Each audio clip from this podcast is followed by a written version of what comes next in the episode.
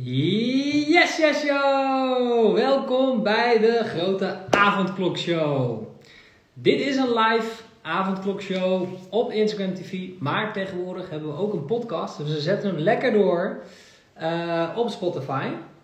En dit is een hele, hele, hele speciale avondklokshow aflevering. Uh, want dit is zowel de Grote Avondklokshow als een podcast uh, voor Melissa's Midlife. Dus Melissa Marijnen gaat mij interviewen en ik ben eigenlijk de gast in mijn eigen De Grote Avondklokshow. Super cool. Zo weinig aflevering en dan al te gast in je eigen grote avondklokshow. Ik vind het hartstikke leuk. Um, ja, voordat ik Melissa erbij ga halen natuurlijk. Big shout-out naar onze sponsor Superfoodies met een green juice. Um, heb ik hier weer staan. Ik combineer tegenwoordig cappuccino met green juice. Heerlijk jongens. Um, hè, en voor de mensen die denken, green juice, green juice. Nou, hier zitten dus alle groenten en fruit en, en, en um, alles wat je eigenlijk nodig hebt. Ik, ik heb een hele lange lijst, jongens. Maar um, ik kan het opnoemen, maar ik kan ook gewoon eentje weggeven aan jullie. En dan kun je het zelf proeven. Dus dat gaan we vandaag weer doen. We gaan een green juice uh, gaan we, weggeven. Voor degene die, ja, die gewoon vragen stelt. Kijk, Melissa gaat mij interviewen, dus ik weet niet in hoeverre ze al jullie vragen gaat meenemen. Ze heeft namelijk zelf ook een hele rits vragen gehad. Dus um, dat gaat ze voornamelijk doen. Maar we gaan gewoon iemand kiezen vanuit de chat. Dus iedereen die wat roept in de chat, die maakt kans op uh, een pakketwaarde van 100 euro van uh, Superfoodies. De Green Juice. En nog een kookboek of een receptenboek erbij. Uh, dit is echt top, jongens. Voor als je te weinig groente en fruit eet, zoals ik, is dit een mooie aanvulling. Oké. Okay. De grote avondklokshow. Slash Melissa's. Uh, uh, zo. Valt hij even weg. Uh, Melissa's Midlife. Zo. Melissa's Midlife. Dat is haar podcast. Dit is dus een, een dual recording. Ik ga Melissa erbij halen. Um, even kijken. En zoals gewoonlijk is iedereen super enthousiast in de chat. En even kijken. Melissa, als je kijkt, gooi me even een chatje. Want ik krijg ook weer wat requests van mensen die live willen. Het is altijd veel leuker als ik gewoon met jou live kan. En voor iedereen die kijkt, superleuk dat je er bent. Dat is een hele speciale aflevering dus vanavond, vind ik. Want eh, ik weet voor het eerst niet wat ik ga zeggen. Uh, want Melissa gaat alles zeggen en mij vragen stellen. Dus ik ga nu met haar live. En... Go! Yay! Yay! Even kijken hoor, heb, heb ik nog een... Ja, hier. Dit had jij dus ook al.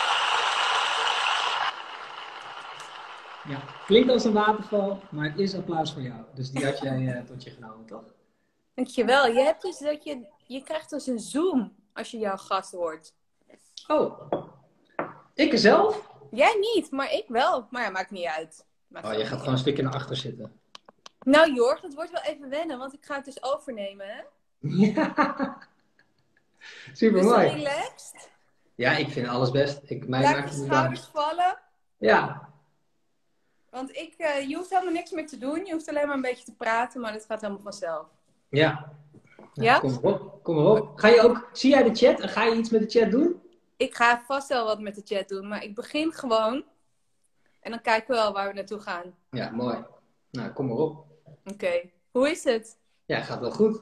Ik zat uh, vijf minuten geleden nog in een boxshort. Schimmel weg te poetsen. Dus uh, nu zit ik uh, strak in het pak vijf minuten later in mijn eigen grote avondklopshow. Dus het gaat wel goed eigenlijk. Hoe doe je dat, Jorg? Hoe doe je, hoe doe je die combinatie met... Nou ja, je hebt best wel een druk huishouden als het ware. Ik bedoel, je hebt twee kiddo's, je bent yeah. je huis net verbouwd, er gebeurt van alles. En dan yeah. heb je ook nog deze show. Hoe combineer je dat in godesnaam? Nou, voor heel veel dingen ben ik best wel zenuwachtig als het om grote dingen gaat. Zoals uh, spreken voor een groot publiek. Vind ik echt mega spannend. Daar ben ik ook mee gestopt. Omdat ik vond van mezelf dat ik het moest, maar ik vind het eigenlijk helemaal niet leuk. Maar zoiets als dit heb ik absoluut geen zenuwen voor. Daarom kan ik ook vijf minuten voordat we live moeten gewoon nog lekker mijn boxshort rond het huis banjeren. En denken, oh fuck, ja, vijf minuten doe ik live. Nou, wat doe ik aan? Uh, heb ik dit al eerder aangehad? En dan uh, ga ik gewoon zitten. Nou, ben ik ook twee minuten te laat. Nou, dat is ook wel een beetje story mijn live. Ik ben altijd te laat voor dingen. Dus ik ben ook te laat voor mijn eigen grote avondkokshow.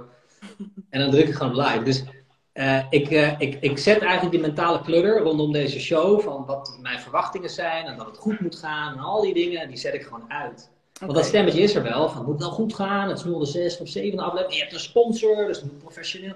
Ja, al die bullshit die, uh, die, die hoor ik wel in mijn hoofd, maar ik weet dat ik dat niet ben, maar dat het gewoon een stemmetje is. Want live. heb je... Fuck it, we'll do it live. Dat is een beetje het thema. Ja, mooi. Want heb je dan in andere situaties dat het stemmetje wel harder is? Die interne, misschien interne criticus, of hoe je hem ook wil noemen? Ja. En, en welke Ja. situatie is dat? Nou, dat is onder andere dus dat spreken. En dat is dus vaak in situaties waarvan ik van mezelf vind, of mijn ego vindt, dat ik dat moet kunnen. Ehm, en dus ga ik het maar doen. Maar uiteindelijk ligt het niet in mijn. eh, nou, we hadden het de vorige keer over hè, tijdens onze master. Voor iedereen die kijkt, denkt waar kent Jorg Melissa van? Onder andere van onze mastermind groep. We zitten met nog vijf andere ondernemers in de mastermind groep. Ehm, en daar hadden we het over, hè, je genius. En als je wat ouder bent en wat meer werkervaring, kom je gewoon eigenlijk best wel achter. Oké, ja, dit heb ik al tien jaar geprobeerd te doen. Maar het is eigenlijk gewoon niet mijn genius. En ik kan heel goed presentaties geven, dat weet ik echt. Ik heb ook gewoon coaching erin gehad, dus daardoor gaat het ook een stuk makkelijker. Maar het is niet dat ik denk, oh my god, ik ben helemaal in de flow als on stage staan. En dan ben ik dus super zenuwachtig. En dan komt dit ego voorbij, dat die innerlijke criticus. En die gaat dan al twee weken van tevoren al roepen. En een nacht van tevoren roept hij de hele nacht door. En dan slaap ik gewoon niet. Ja, dat is gewoon, eh, moet ik gewoon niet doen. Dus dat doe je gewoon niet. Daar heb je gewoon voor gekozen. Eh, nee, dus ik zat bij een sprekersbureau en eh, ik, ik, het is wel leuk, want de vriendin van Boris, Boris van Thuis van Zand, heeft een sprekersbureau, Tessa heet zij, de next speaker. En acht jaar geleden of tien jaar geleden zei ik, joh, geef me maar gewoon een sprekersklus, ik hoef er niet voor betaald te worden, gewoon anything. Dat je gewoon aan niemand kwijt kan, mag je aan mij geven. Dus mijn eerste sprekersklus was voor 150 vrouwen van de VVV, die Oh, wilden iets weten over hoe Twi- Twitter werkte. En ik zat toen op Twitter. Dus daar heb ik mijn talk over gedaan. En, ehm, en zo heb ik mezelf omhoog gewerkt. En kreeg ik gewoon echt wel goed betaald voor sprekersklussen. Maar Maar voordat je doorgaat, Jorg, ik kan me zo goed voorstellen dat jij zo'n vrouw, zo'n zaal met dat soort vrouwen, ehm, heel goed kan entertainen. Klopt dat? hoezo denk je dat? Ik weet niet. Volgens mij gaan die vrouwen helemaal hard op jou. Op, op, weet je, dat ze het helemaal fantastisch vinden. Klopte dat ook? Of ging het je op dat moment wel goed af? Nou, het waren wel eh 70 en 80 jaar. In ieder geval, er zaten echt wel mensen van 80 tussen die ik Twitter moest gaan uitleggen. Dus ik weet niet. Ik denk dat ook al, ook al, zou, ook al zou dat er zijn, zeg maar. Dat ze denken, oeh. Dan, eh, ja, hè, die shine. eh, dan gaat het snel verloren in de termen die ik bezigde. En dan zegt dan, waar is die gasten dan? Tweets? Retweets? Ja, oké. En waarom is dit belangrijk voor ons? Ehm, goed, ik hou al van showmanship. Hè? Ik bedoel, hey, Ja, de precies. Grote showbiz. Dat vind ik heerlijk. Maar er zitten dus hele subtiele verschillen in zoiets wat ik nu doe. eh, wat gewoon, nou nu zijn er 150 mensen die gewoon op dit moment kijken. Ten opzichte van 150 mensen die nu hier voor mij zouden zitten. Dat is toch anders. Ja, en kijk, ergens ehm, eh, is dit een live. Dus weet je, ik maakte net een foutje en dan eh, zei ik jouw podcastnaam voor de tweede keer verkeerd. Ja, dan komt heel vaak dat stemmetje. Oh mijn god, wat doe je nu? Je krijgt een blackout. Ja. Maar dat is, dat is wat ik na jaren weet van. Ik zeg het Ja. verkeerd. Nou, ik had even een hapering. Nou, alleen maar prima. Dan zitten mensen alleen maar nog beter te luisteren. En zeggen ze, is een blackout? En dan zeg ik de naam goed. En dan denken ze, oh ja, dan vergeten ze Melissa's mindset nooit meer. En dan opeens is het allemaal bewust. Ja? hey, dit geniale idee van de, de avondklokshows. Geniaal idee. Ja? Ja, het is Want? geniaal. Het Nee, is niet dat ik wil horen van want. Maar wat vind jij fijner aan? Want ik heb het wel op een bepaalde manier bedacht. Maar ik ben wel benieuwd waarom jij het tof vindt. Ja, het, is, het, ga, het slaat. Het is een super positieve draai geven aan iets wat we eigenlijk met z'n allen best wel negatief ervaren. Ehm, en, met, en het past perfect bij jouw persoonlijkheid en je uitstraling. Maar waar ik eigenlijk naar, nieuw, naar benieuwd ben is, hoe bedenk je zoiets? Hoe gaat dat? Gaat het, is het split second? Wat gebeurt er in de Jorg-brein als je zoiets bedenkt? Ja. En voor- en voor, ik zie heel veel nieuwe mensen joinen. Voor iedereen die erbij komt. Misschien heeft Sanny nog iets geroepen. Dit is Melissa. Yay. Dit is Jorg. Yay. Het is de Grote Avondklok slash Melissa's Midlife. Dat is haar podcast. Ehm, dus deze live sessie kun je teruglezen op Melissa's Midlife. Je kan ook teruglezen op mijn Spotify. Je hebt geen excuus meer om dit niet te kijken of te luisteren. En eh, Melissa gaat mij interviewen op de Grote Avondklok Show. Dus voor iedereen die erbij is gekomen, het gaat over, het gaat over grote keuzes maken in je leven, toch? Rigoureus. Ja, zeker. Ja. Ja, mijn midlife, Melissa's midlife is gewoon ontstaan omdat ik zelf echt nu denk, wat ga ik in godesnaam doen? Dus Ja. ga ik gewoon mensen waarvan ik denk, die zijn super slim. Ehm, en die bewonder ik op bepaalde manieren, die interview ik. ja, leuk. Onder andere vriend van jou, eh, Boris Veldhuis van Zand, waar je het net al over had. Eh, en nog zo'n hele reeks. Mijn interview met Oscar Kneppers, mijn eerste. Dat is eigenlijk misschien nog degene waar ik het meest trots op ben. Dus, uh, nou ja, en heel veel andere. Oh, je en nu val ik weg omdat mijn battery low is. Oh. Ik ben ook een pakken. Qua, qua voorbereiding. Anders pak je even een lader, ga ik de mensen vermaken. Ja, doe dat maar. Ja. Dus voor iedereen die kijkt en dus thuis... Uh, Oh, je doet een live vlog. je maakt er gewoon een live vlog van. Ik, ik maak gewoon een live vlog van. Ja. Ik onthoud je vraag trouwens. Hè. Melissa vroeg net, Melissa gaat de lader hosselen. Uh, Melissa vroeg net, uh, hoe is de grote avondklokshow? Hoe werkt dat in jouw hoofd? Dat er in één keer de grote avondklokshow komt, toch? Dat is jouw vraag. Um, wil je dat maar gaan beantwoorden? Of wil je, wil je even dat ik... Uh... Nee, die als eerst. En dan komen er nog een hele reeks. Dus uh, ik zet je in de prijsschaal. Ja, we horen het. We horen het. We hebben geen we liggen gezellig bij de mandarijnen en de bananen. Ja. Maar Jor, uh, vertel heel eventjes, hoe gaat dat zeg maar in jouw hoofd? In jouw geniale merkenhoofd? Hoe gaat dat? Dat je dat in één keer zo, zo bedenkt? Ja, dus, dus uh, het is grappig dat je dat zegt, hè? En dan gaat mijn, uh, nou, geniaal, geniaal. Maar dat is wel mijn gift. Klinkt ook gek, maar mijn genius, zoals jullie dat zeggen. In ieder geval, het ding wat ik goed kan, is, hey, de avondklok. Dat is kut. Daar heeft niemand zin in. Goed, ga ik wel eens naar buiten na negen? Nee, ik ben best wel lui. Meestal zit ik om negen uur binnen te Netflixen. Dus mij boeit het niet zoveel. Maar goed, bovenop alles wat er al gaande is, is het toch best wel shit dat we een avondklok hebben. Hmm, zouden we het positief kunnen maken? Hey, als heel veel mensen binnen zitten en Netflix hebben uitgespeeld, dan moeten ze iets te kijken hebben. Wat als ik gewoon een andere flutshow begin? Dan gaan ze misschien wel naar mij kijken. Zo gaat het in mijn hoofd. Zo gaat het. De grote avondklokshow. De grote avondklokshow. Dat is perfect, want iedereen snapt gelijk. Hé, hey, dit is van deze tijd, want we zitten in een avondklok. Ik ben wel benieuwd, wat is de grote avondklokshow? En in plaats van afzeiken wat er allemaal kut is aan corona, lockdown en de avondklok, want dat doet iedereen al en daar hou ik niet van denk ik, ik draai hem gewoon uh, eh, 180 en dan ja, maak ik er wel wat van. En ik dacht, nou, ik heb gewoon zes mensen die direct bij me opkomen. Wil jij, uh, dit is een concept? Oh ja, nee, eerst even een shout-out uh, naar Fredo. dat is degene die dit gezicht heeft getekend, dit. Ja. Hè, wat ik gebruik als sticker en wat je dus ook als thumbnail ziet van de grote Avondklok Die heeft hij vorig jaar voor mij getekend. En ik heb Fredo, Fredo, kun je voor mij even snel een thumbnail maken voor de grote Avondklok ja, is goed. Vier uur later had ik die thumbnail. Die knal ik op Instagram. Ik heb een nieuw idee. Die knal ik op WhatsApp naar al die mensen. Ik heb een nieuw idee. Ik ga een avondklokshow doen. Waarschijnlijk een uurtje. Heb je zin om mee te doen? En toen waren er, die eerste uur waren er al iets van vijf of zes mensen die ja zeiden. Ja. En toen dacht ik, oké, let's go. Dan heb ik zes gasten. Dan ga ik gewoon beginnen. Nice, nice, nice. En ergens, ergens is het, als je langer erover nadenkt, is het weer niet een goed gekozen merknaam. Hè? Want wat doe je als de avondklok voorbij is? Nee, Heet het dan nog steeds avondklok? Nee, en dan ga je een hele discussie over voeren. Maar we gaan er niet te lang over nadenken, want ik heb andere hele mooie vragen voor je. Nee, precies. Nee, maar dat is een mooi voorbeeld. Ook gewoon fucking move, weet je wel? Gewoon move before you're ready. Gewoon ja, move. En dan is het tijdelijk. Ja. En uh, even iets heel anders, even terug. Wat voor leerling was jij? Uh, ik, ik, we zijn net verhuisd, hè? dus ik kwam een rapport tegen van groep 8. Uh, en ik woonde in een boerendorp. En ik kon niet heel goed aarden in een boerendorp. Niet heel veel vrienden. Ik hield er niet van voetbal. Dus, uh, dus dat, dan houdt het al snel op in een boerendorp. En ik, in mijn rapport stond... Uh, Jorg is een goede leerling. Maar hij zit nog net iets te vaak achterom gekeerd. Dus ik zat alleen maar in de klas zo. Alleen maar gewoon als er ook iets gebeurde. En uh, ik, ik heb gewoon een hele slechte concentratie. en, en dus ik was niet een goede leerling goede leerling in de zin klassiek opletten. Ja, ik ben een hele lieve. Ik denk dat de juf die dat had geschreven, die vond mij heel lief. En ik waarschijnlijk de juf, op die leeftijd ben je waarschijnlijk verliefd op je juf. En, um, maar ik had ook een keer een meester, dat was in groep 8. Ik denk dat dit rapport nog iets eerder was. En die vond, die vond mij echt niet leuk. En uh, ja, ik was ook gewoon niet goed. Ik was ook gewoon, ik was gewoon uh, niet geconcentreerd. Ik was gewoon niet goed in mijn vakken. Dus ik kreeg uh, een slecht middelbaar schooladvies. Ja, want dat vroeg iemand ook van.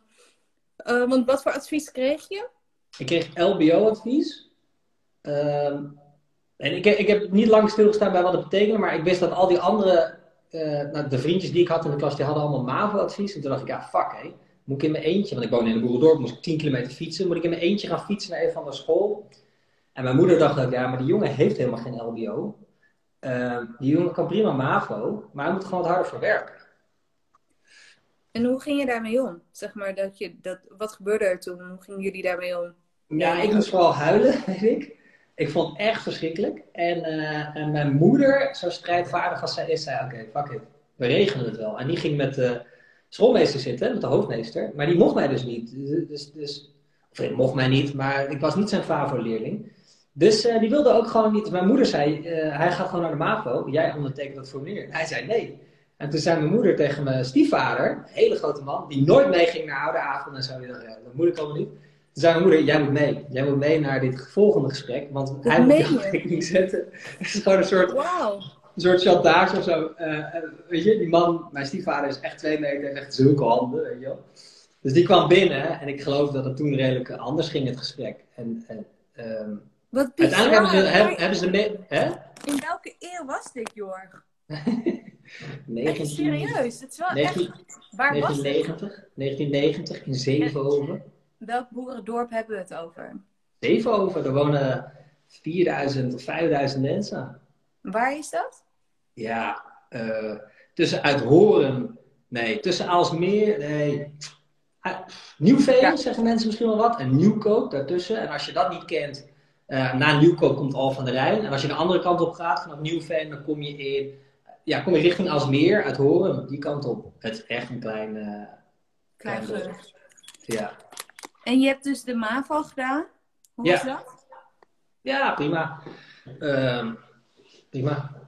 Ja. Ik was, eh, ja, was in Meidrecht. eh dat is prima school. Is Oh, Meidrecht, daar komt mijn eerste vriendje vandaan. Oh ja? Hoe Ik ken? Meidrecht. Ik ken me... Van der Heijden, Dirk van der Heijden. Dirk van der Heijden. Ik zou eens even zoeken. Echt goede foutgast was dat. hey, ik ben Dirk. Hey Dirk. hey, Dirk van Heijden. Ja, precies. Hey, en ehm oké.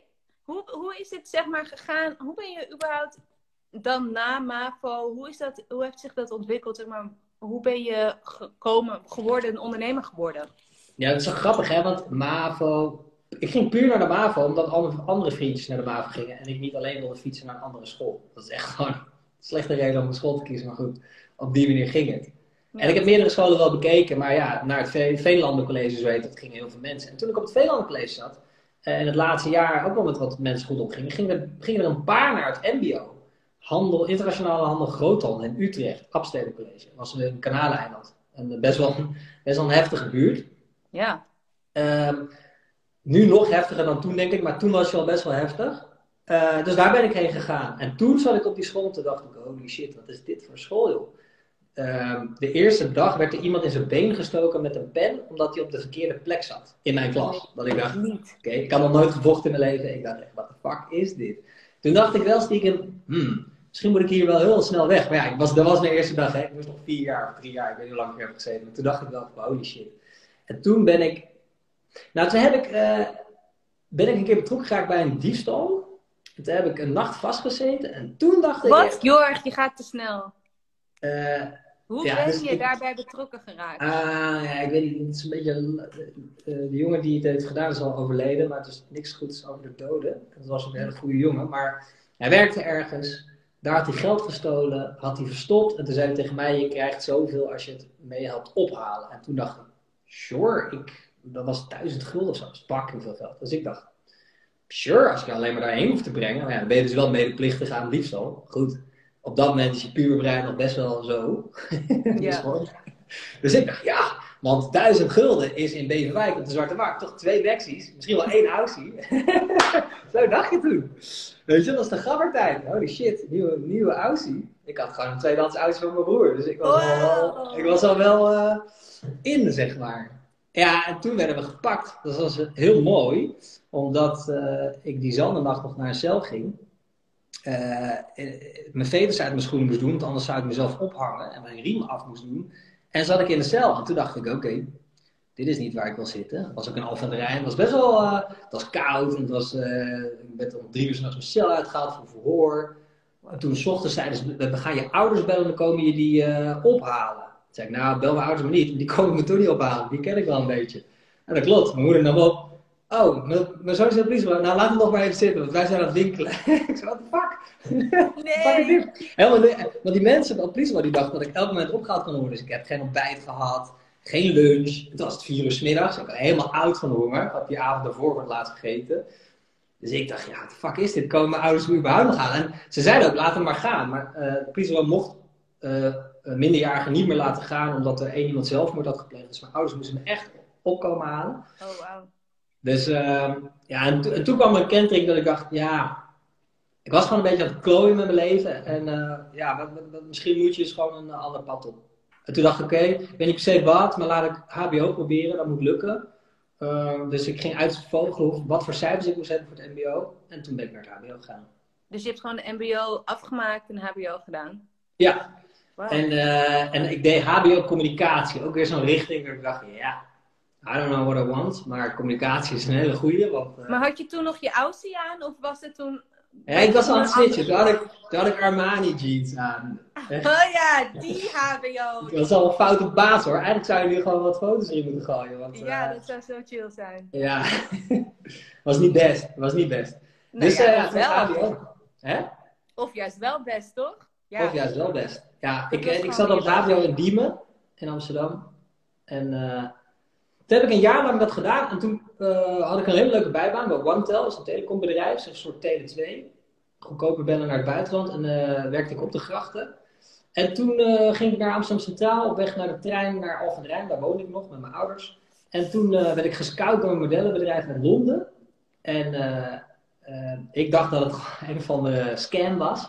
Dus ik werd gebeld door de 020-nummer van... hé, hey, we hebben je gisteren gesproken op Centraal. We willen dat je naar Londen komt. We betalen je vliegticket. En ik dacht, ja, oké, okay, prima. Dus toen gingen we op. En toen belde ik het nummer terug, want dat was een 020-nummer. En toen namen ze op het Hilton Amsterdam. Toen dacht ik, oké, okay, nou dat zit goed, hè. Ze bellen vanuit Hilton Amsterdam. is al waarschijnlijk minder een scam. Ja. En uh, toen had ik gezegd, nou, mag ik iemand meenemen? Weet je, ik vertrouwde het nog steeds niet, hè.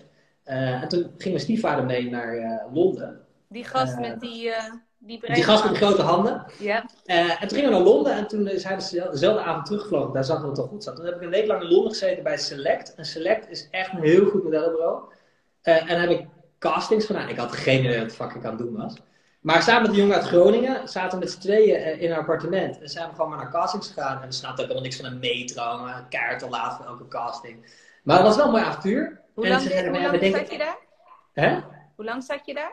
Ik zat een week en toen hadden ze een aantal Polaroids en toen had ik een aantal castings gedaan. Toen zeiden ze: Oké, we denken echt dat het wel wat met jou kan worden, maar je moet wel dedicated zijn. En je moet, het moment dat wij zeggen: Hé, hey, we hebben een klus voor je, moet je misschien dezelfde dag of de volgende dag nog kunnen vliegen. En toen dacht ik: Ja, dit is wel een vet avontuur, maar ik kan dit niet doen als ik op school zit.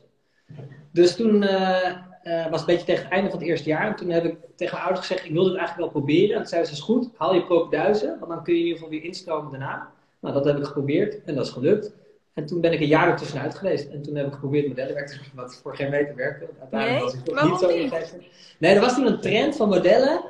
eh, die, die, die zulke oren hadden of zo. Ik weet het niet. Die een beetje Oh, zo ja. Prada, Miu Miu. Even, Ja, als je de Italiaanse merken kent. Die hadden hele zulke gezichten. Ik weet niet. Het was een beetje alienachtig. Wat toen heel erg in was. Eh, en dat, ik had een heel, of heb schijnbaar een heel klassiek hoofd. Ja, je hebt zo'n classic Italiaans model. Ja. Nou, dat was echt niet in. Ja. Dus, eh, dus, eh, dus eh, die keer was, ik heb later nog een keer modellenwerk gedaan, maar die keer was het een no-go. Dus toen ben ik gaan werken. En hoe, want heel veel skip even naar. nou, eigenlijk, hoe heb je Sunny leren kennen? Wie was jij? Wie was je voordat je Sunny leerde kennen? ik was een losgeslagen, uit een boerendorp afkomstige, in Amsterdam wonende single, die tien jaar lang dacht, holy shit, wat is dit voor paradijs? En, ehm, en gewoon vol gas in Amsterdam, met alles wat ermee te maken had, drugs, alcohol, vrouwen, en gewoon, ja, het is gek om over jezelf te zeggen, maar als ik zie, en dit is, dit is overigens ook mijn vriendengroep hoor, ik ben niet de enige, als ik zie wat voor uh, uh, rock'n'roll, vooral feesten, hè? het is niet dat iedereen helemaal naar de kloten ging of zo, maar we hielden gewoon heel erg met z'n allen van feesten. En iedereen deed het op zijn eigen manier, Uh, maar samen als vriendengroep was het wel echt next level. In ieder geval, ik heb echt een gigantische mooie tijd gehad die eerste tien jaar in Amsterdam. En um, ik denk dat het einde van die tien jaar kwam ik, um, op een of ander feestje voor modellen. Of er was ook weer zoiets. Voor echt een rock'n'roll feestje met allemaal topmodellen in New York en allemaal gekken. En uh, daar kwam ik Sunny tegen. Maar ik was helemaal naar de klote. Ik liep van de bar terug, zoekende naar het toilet. was ook gewoon een beetje zo'n underground hol. Uh, ik wist echt niet waar het toilet... Ik wist niet eens waar... Ik wist niet eens wat mijn achterkant was. Dus ik was echt naar de klote. En toen kwam ik Sunny tegen. En toen bos ik letterlijk tegen Sunny op. Keek er in de ogen. En toen heb ik iets gemompeld. Vast niet, niet beleefd. En uh, toen ben ik weer doorgelopen. En zij ook. En dat was het. Dat was de eerste keer dat ik al ontmoette. Ik wist niet hoe ze heette. En ja, dat. Komt iemand ook binnen? Ja, sorry. Nee, ja, uh, uh, oké. Dus je weet ook niet meer wat je in de oor fluisterde? Uh, nee, maar misschien al een beetje. Maar het was in ieder geval een oneerbaar voorstel. Je weet wel wat je in de oor fluisterde. ja, ja. maar ja, goed. Hè. We zijn live. Um, hè? Misschien kijken de ouders al mee. Ja. Um, dus, ik heb iets in de oor gefluisterd of ik heb iets geroepen, zij reageerde niet. Uh, maar we hadden wel een vonk. En toen uh, heb ik haar maandenlang niet gezien. En toen één keer bleek haar zusje met mijn beste vriend te gaan. En toen kwam ik haar tegen in de Wolvenstraat. Dat was de tweede keer. En toen was ik in de fase dat ik iemand zocht om mee te ontgiften. Ik wilde, ik wilde, uh, ik wilde, ik had hier een artikel gelezen over 36 uur vasten. Dat dat goed is voor En toen dacht ik, dat ga ik doen. Ik ga, ik ga 36 uur vasten. Dat ga ik doen. Uh, maar ik moet dat doen met iemand die wel chill is. En als je gaat vasten en je gaat niks eten, dan stink je uit je mond en dan stink je, hè, dan ruikt je huid misschien wel vies, misschien hij wel vieze scheet of zo. I don't know. En dit ga ik niet met een andere gast doen, dat vond ik niet heel comfortabel. Dus ik wilde dat met een, een coole dame doen. Coole chick, Hè? Maar dat is echt totaal niet logisch, Jorg. Als je een scheet gaat laten, dat je dat dan met een vrouw wil doen. Maar goed, ja. Nou ja, ik wilde dus het met een vrouw doen die dat zou niet waarderen, maar die dat wel nee. zou die ja. ook uit de mond stinkt op dat moment. Weet ik veel. Ja. Gewoon iemand die chill is, weet je wel. Ja. Um, je wou dus, gewoon vrouwelijke energie daarbij hebben. Ja. En gewoon die ook dacht, oh, dat wil ik ook eens proberen. En die wel gewoon chill is, met wie je jezelf kan zijn. Dat is eigenlijk wat ik zoek. En um, nou, dat ben ik gaan doen. Uh, nou, ik ben niet gaan doen. Ik, ik zei dat tegen haar. Ik kwam haar tegen. Nee, ja, ik ben jou wel eens tegengekomen. hey, ik wil, gaan, uh, ik wil 36 uur gaan vasten. Zou je dat willen doen? Ik zei, ja, dat zou ik wel willen doen. En, um, Was zij toen al bezig met Sanny zoekt ge, uh, geluk? Nee, want dat, daar is ze mee begonnen toen wij net twee, twee maanden gingen. Ja. Dat ja, dus daarna ben ik er nog een keer tegengekomen. Pas bij de derde keer zijn we gaan appen en, uh, en gaan daten. En toen ging het heel snel. Ja, maar het is... Jullie zijn wel een bijzondere match. Zeg maar, dat zien wij allemaal. Maar jullie zijn wel een hele bijzondere match. Dus het stukje, ja, daar zijn we allemaal wel heel nieuwsgierig naar. Van, hè, hoe, hoe is dat ontstaan of zo? Was dat gewoon meteen, dus die ene keer? Of hoe is dat Ja, dat was wel, dat was wel chemie hoor. En, en daarom bleven we gewoon bij elkaar toevallig weer in elkaars leven komen. Want na de tweede keer dat ik in Bofstad zei, hey, zou je met mij 36 uur willen vasten? Zei ze, ja, tuurlijk, gaan we doen. En toen is het er niet van gekomen. En toen, vier maanden later, was ik in Amsterdam op de gracht aan het fietsen. En toen zag ik een blond meisje staan. En ik dacht eerst dat het iemand anders was. Dus ik fietste op haar af. Hé, hey, je bent... Oh nee, je bent iemand anders. Hé, hey, maar ik ken jou ook. Hé, hey, je bent Sardi. Oh ja, ja. Ik ga... En toen zei ze, ik kom net van een casting. Want zij deed toen ook modellenwerk. En ik uh, ga zo op wintersport. Uh, dus ik moet nu gaan. Ik zeg, oh, ik zeg, maar mag ik wel je telefoon hebben? Want dan kunnen we nog dat, die 36 uur vasten, weet je wel. Oh, ja, ja, ja, nou is goed. En toen ben ik met haar gaan appen. En toen heeft ze de hele wintersport met mij, met mij geappt. En toen zijn we gaan daten toen ze terugkwam. Oh, tof. En, en Sebastian Jelle vraagt, is het net begonnen? Uh, nee, we zijn een half uur uh, bezig. Uh, en we zijn nu ongeveer bij het moment waar ik Sanny ontmoette. Ja. En... Welkom, Sebastian trouwens. Wel leuk dat je bent. Welkom. En wat betekende die ontmo- wat heeft die ontmoeting eigenlijk betekend voor jou, voor je leven? Wat heeft het veranderd? Nou, ik denk dat ik een veel rustiger mens ben geworden. Dat weet ik wel zeker. En uh, het heeft Mis me je nog wel eens de party, Jorg? Nee, want um, nee, ik heb wel zoveel dingen gedaan dat ik, uh, nee, het is niet een feestje waarvan ik denk, nou, deze wordt, heel vaak als je ouder wordt, denk ik, deze gaat in de geschiedenisboeken, maar heel vaak zijn die feestjes echt super kut. en dan heb je daar weer tot, ik, ben sowieso niet van afteren, maar dan ben je om zes uur naar huis aan het fietsen en denk je echt, ja, kut hè, hier heb ik twee dagen last van qua kater. Um, dus je probeert steeds selectiever te zijn, ook omdat je ouder wordt. Ik ben 40, als ik nu echt voor God ga, dan moet ik vijf dagen hebben om, om, om weer een beetje fris te worden. Dus het wordt steeds minder de moeite waard. Dus op een gegeven moment ben je daar ook wel klaar mee. Ja. Ik ga alleen nog naar festivals. Daarom mis ik ook Amsterdam niet, ook al is alles nu dicht. Maar ik ga niet zo snel naar een café of zo, of naar, op vrijdagavond ga ik, vroeger gingen we naar de Jimmy, weet je wel, maar ja, dat, dat, ja, dat is ook lang geleden. Ja, en, um, want jij hebt Sunny eigenlijk, hoe, want jij hebt Sunny eigenlijk best wel een soort van gestimuleerd om, om haar YouTube-kanaal te, te starten. Dat weet ik gewoon toevallig. Maar kan je iets over vertellen hoe dat is gegaan? Ja, we waren na vier maanden dat we met elkaar gingen, gingen we al op vakantie. Dat was naar Os. En, uh, en zij, Sunny werkte toen uh, aan een, een veelbelovende tv-carrière. Ze had al wat rollen gespeeld in Onderweg naar Morgen, Goede Tijd, Slechte Tijd. Maar ze wilde presenteren. Ze had wat programma's al gepresenteerd. Ze had namelijk een programma over fashion op SBS 6. Dat waren de eerste, het eerste seizoen of zo, de eerste zes afleveringen had ze gedaan. En dan hoopte ze heel erg dat die uh, doorgezet zou worden. Maar, maar tv is ook echt wel gewoon een hele harde wereld. Dus ook al heb je zes afleveringen op het programma, betekent dat niet dat je weer zes afleveringen mag maken. Sterker, je moet gewoon keihard vechten en elke keer moet je weer opnieuw auditie doen. Maakt niet uit wie je bent, weet je nee. um, en dat was ook heel vermoeiend. Zij werd er ook wel heel erg ongelukkig van. Vandaar dat daar zoektocht naar geluk toen al was begonnen. Ze was heel erg bezig met mindfulness en hoe ga je om qua mindset met elke keer die afwijzing. Elke keer weer, weer een nee horen als je auditie doet voor je droom. Dat was best heftig. Ze deed echt gewoon uh, vier audities per week en dan hoor je gewoon vier keer nee per week. En dat waren dan wel rollen die je heel graag wilde. Ja. En zij was steeds zichzelf meer aan het boetseren. Van, oh, ze willen dit nou, misschien meer dat, weet je wel. Je wil dan toch die rol hebben.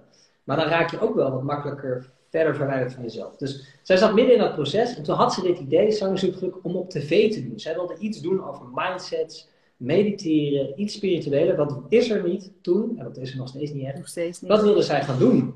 En toen zei ze, dat wil ik gaan pitchen. En toen zei ik, ja, weet je, van wat ik weet van de tv-wereld is het best lastig. Omdat, uh, ja, je kan wel iets pitchen, maar dan straks vinden ze het geen goed idee. Of ze vinden het wel een goed idee, maar ze jatten het van je. Of ze vinden het een goed idee, ze willen het met jou doen, maar jij mag het niet presenteren. Er zitten allemaal haken en ogen aan. En eigenlijk geef je alle controle weg aan de tv-baas. En toen zei ik, met mijn achtergrond van 12 jaar uh, internet en start-ups, ik zeg liever, YouTube is gewoon op dit moment zit je bij de eerste golf van influencers. Je, je bent gewoon een OG, weet je. Je hebt gewoon de eerste lichting. Dus als jij nu nog begint, dan is het nog uniek. Dan kun je nog een persbericht uitsturen met een, een, geluk, een programma over geluk. En, en, eh, maar zij zei, nee, ik heb dit idee in mijn hoofd, ik moet op tv. En toen zei ik, nou weet je, wat heb je nodig om het te proberen op, op YouTube? En toen hebben we op een achterkant van een filmpje, zoals dat mooi uh, historisch gaat. Volgens mij was dit gewoon een achterkant van een briefje, maar goed. Um, hebben opgeschreven wat ze nodig had. Van nou goed, ik heb een editor nodig, ik heb een cameraman nodig. Want zij begon niet met vlogs, ze begon met interviewen. Hè. Ze heeft ja. En, ja, dat was echt best wel een serieuze productie bijna. Ja, ja, zij heeft twee jaar lang uh, haar ziel en zaligheid ingestopt qua tijd, al haar spaargeld. En toen verdiende ze er absoluut niks mee. Want in haar lichting van YouTubers verdient niemand nog wat. Um, dus zij heeft echt een weggeplaveid voor mensen zoals ik, die vele jaren later kwamen en binnen zes maanden een samenwerking hadden. Dat was toen echt uh, ongekend. Ik vind dat heel bijzonder, maar dat vraag ik ook wel in haar interview wat ik haar met haar ooit ga doen. Hopelijk. Maar gewoon hoe je dan je spaarcenten, je tijd zo lang investeert, zo in gelooft op een, een of andere manier. Ben ik heel mhm. nieuwsgierig naar. Maar ik ben ook benieuwd naar die start-ups van jou dan. Hoe kwam je in die techwereld en, en wat heb je daaruit gehaald? Wat heb je daarvan geleerd?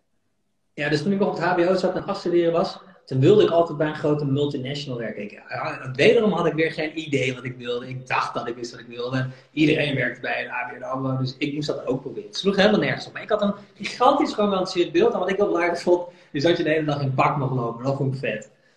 Uh, ik dacht, ja, gewoon de hele dag pak lopen, waarschijnlijk lunchen of zo. Weet je. Nou goed, zo naïef was ik ook weer niet. Maar ik had zeker ook niet een super realistisch beeld ervan. Dus maar ik had een studentenbaantje bij weekendsweg.nl. Dat was toen de grootste online aanbieder van Weekendsweg. Dat was een soort boeking, eh, lokale boeking. Echt super groot. Meer dan anderhalf miljoen mensen, meer dan anderhalf miljoen Nederlanders gingen in een jaar met hun weg. En dat ging helemaal ontploft als een motherfucker. En ik werkte daar in het callcenter. Ik heb altijd heel veel callcenterbaantjes gehad. Ik weet ook veel van service. Ik heb daar heel goed gevoel voor. Um, maar ik begon wel steeds ideeën te krijgen. En ik was toen aan het afstuderen en het ging over Web 2.0 bij scriptie. Het ging over het nieuwe internet van Facebook en Twitter. Facebook bestond nog niet eens in Nederland, maar gewoon platformen waar de consument zich meer kan laten horen. Toen was het echt ongekend. Hè? Er was geen sociaal platform. Als jij boos was op een merk, kon je dat nergens schreeuwen. Dan moest je zelf een website kunnen maken en daar schreeuwen. En dan las niemand het, want niemand wist dat je bestond. Weet je, dus Facebook was nog niet in Nederland. Hives was er toen net. Weet je wel.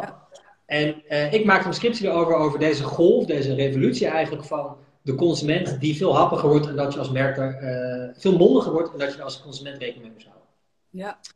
En dus ik had allemaal ideeën en die ging, ging, gewoon naar de directie sturen. En op een gegeven moment zeiden ze, hey, kom eens een keertje langs anders bij de CEO. Ik ken, ik ken die helemaal niet, want het callcenter zat wel in dat kantoor, maar ja, ik werkte vaak in de avond als student. Dus er was helemaal niemand daar op kantoor. Ik wist alleen dat hij de directie was, dus, of hij de directeur was. Dus die, die stuurde ik gewoon mails. Uh, maar wat vet, hoe, hoe, hoezo, hoezo dacht je, ik ga het gewoon mailen? Zeg maar, dat, dat, dat um, is natuurlijk al heel stoer, dat je dat überhaupt doet. Heel veel mensen in een callcenter gaan gewoon, weet je wel, bellen, puur en alleen. Ja. Maar die denken niet na van, hoe kan ik dit bedrijf verbeteren? Ja, en wat ik wel altijd heb gehad, is dat als ik ergens, als ik iets zie wat ik voel, hey, dit is vet, dan kan ik er gewoon niet over opbouwen. En dan word ik heel vervelend soms. Dan word ik heel dominant vanuit mijn enthousiasme. Dat is ook een valkuil van mij, dat ik soms te dominant kan zijn. Maar ik ben verliefd op een idee. En ik heb best wel wat ideeën, maar dan denk ik, dit is vet, dit moeten we doen, dit is een kans, mogen we niet missen. Dus ik was gewoon tegen hun aan het tetteren van, eh, ik stuurde denk ik wel vijf artikelen per maand. Waar ik echt wel even over had nagedacht, maar ook niet genoeg. Want ik kende hun business niet en hun doelen niet. Maar wel van, hey, dit is een trend die ik zie in Amerika. Dit komt naar Nederland. Wij moeten hier klaar voor zijn. Ooit gaan mensen op Twitter roepen over weekendje weg. Hoe tof het is, hoeveel kut het is. Wij moeten daarbij zijn. Wij moeten die discussie voeren. En het is zo uniek, Jorg, dat je dat hebt gedaan. Maar heel vet. Ja, ik zat natuurlijk met mijn scriptie er middenin. Hè. Dus ik, ik las niks anders dan The Wired magazine. Uh, ik zat alleen maar met mijn ogen op, op Amerikaanse websites. Dus ik zag ook gewoon dingen. En dan een half jaar later zag ik denken, hier dacht ik, nou blijkbaar is het heel normaal dat die dingen steeds komen overwaaien. Ja, dus, ja. Uh, dus dan zie ik dat Facebook ook wel deze kant op komen, weet je wel. Ja. En iedereen zegt, ja, maar ik heb geen internationale vrienden. Hè? Iedereen bleef op huis. Maar ja, op een gegeven moment uh, werd het toch Facebook. En, dat, en dat, ik heb niks voorspeld daarin, anders dan dat er steeds meer van dit soort sites gaan komen. Wist ik veel welke groot zou worden, dat wist ik ook niet. Maar wel dat er iets was. En toen, uh, en toen zeiden ze, misschien moet je hier komen werken in plaats van bij de ABM. En toen dacht ik, oh vet. En dat was 2005. En toen, uh, toen zei uh, de commercieel directeur, ik ben net begonnen met Google AdWords. Was net nieuw in Nederland. Ik snap het een beetje. Misschien moet jij het verder oppakken. En dat is mijn redding geweest. Karel de Vos was mijn eerste baas. En um, die heeft mij eigenlijk op het pad gezet van online. En online marketing, en e-mail marketing en search engine optimization. En dat heb ik heel lang gedaan. En, en toen heb ik geswitcht naar de Next Web. Toen werd ik daar na zeven jaar bij weekendjeweg.nl had ik het wel een beetje uitgespeeld. Uh, dat is een hele vette business trouwens, jongens. Reizen, daar zat ik in. Dat is de meest concurrerende business naast porn en gambling voor Google, voor het algoritme. Oh, en daar bedoel ik mee dat die drie industrieën, daar verdient iedereen fucking veel geld in. En dus is iedereen bezig om hoog te komen in Google. In porno, gambling, hè, casino websites en dus travel. Als jij op één stond op Hotels Parijs, dan verdiende je echt zo fucking veel geld. Hè? Eén qua Search Engine Optimization, hè, de SEO-resultaat waar je niet voor hoeft te betalen, dat was big business. En daar zat ik in. Ah, dat was zo'n mooie tijd. Ik heb zoveel geleerd van de SEO-wereld in Nederland. Ik ken ook best wel veel goede SEO'ers. Ik zag mezelf niet als SEO. Ik vond dat je daarvoor moest kunnen coden. En dat kon ik niet. Maar ik wist er heel veel van. En ik heb ook heel veel gedaan bij DigiCheck.nl om hoog te komen op bepaalde zoektermen. En dat heb ik echt lang gedaan. En toen werd ik uh, na zeven jaar dat doen, werd ik Chief Marketing Officer bij de Next Web. En, en daar ging ik verder. Ik heb gewoon Boris een mail gestuurd van, hé, hey, je hebt deze website. En uh, ik denk dat het anders kan. Want? Ken je Boris zelf? Boris, Boris heeft ooit een tweet uitgestuurd. hey, ik kende Boris een beetje omdat ik uh, toen ik nog bij WikiWeb.nl zat, ging naar technologiebeurzen uh, in Parijs. Le Web heette dat. En ik denk dat dit 2008 of zo is. En, en ik zat op Twitter en er waren denk ik 500 Nederlanders op Twitter. Echt niet, niet meer. Dus ik ken al die mensen als Oscar Kneppers, Boris, Matthijs, Nolde, uh, heel veel mensen die ook echt met dat internet bezig waren, die je nu niet zo makkelijk meer kan bereiken. Alexander Klupping, um, die, die, die kende ik, kende ik hè, sommige DM'de ik, sommige niet. En toen uh, we naar Parijs gingen, organiseerde ik gewoon het. Dat is ook weer zo'n idee, hè? We gingen met, met een paar mensen naar Parijs. En op Twitter zag ik dat iedereen de hashtag, de hashtag was net nieuw, hadden ze op Twitter heeft dat bedacht. Mensen op Twitter, een hashtag. En toen had iedereen LeWebNL, dus iedereen die naar LeWeb ging naar Parijs, die had die hashtag en wij zaten met z'n allen in een talie. En toen zei iemand, ik zit in rijtuig 17. En toen keek ik zo, oké, ik zit in rijtuig 19. Dus ik gewoon de rijtuig 17 ingelopen. Ik hoe ziet de rode uit op Twitter? Nou, dat is hem. En ging met hem praten. En zo ging dat. En toen zei ik op een gegeven moment op Twitter met de hashtag LeWebNL.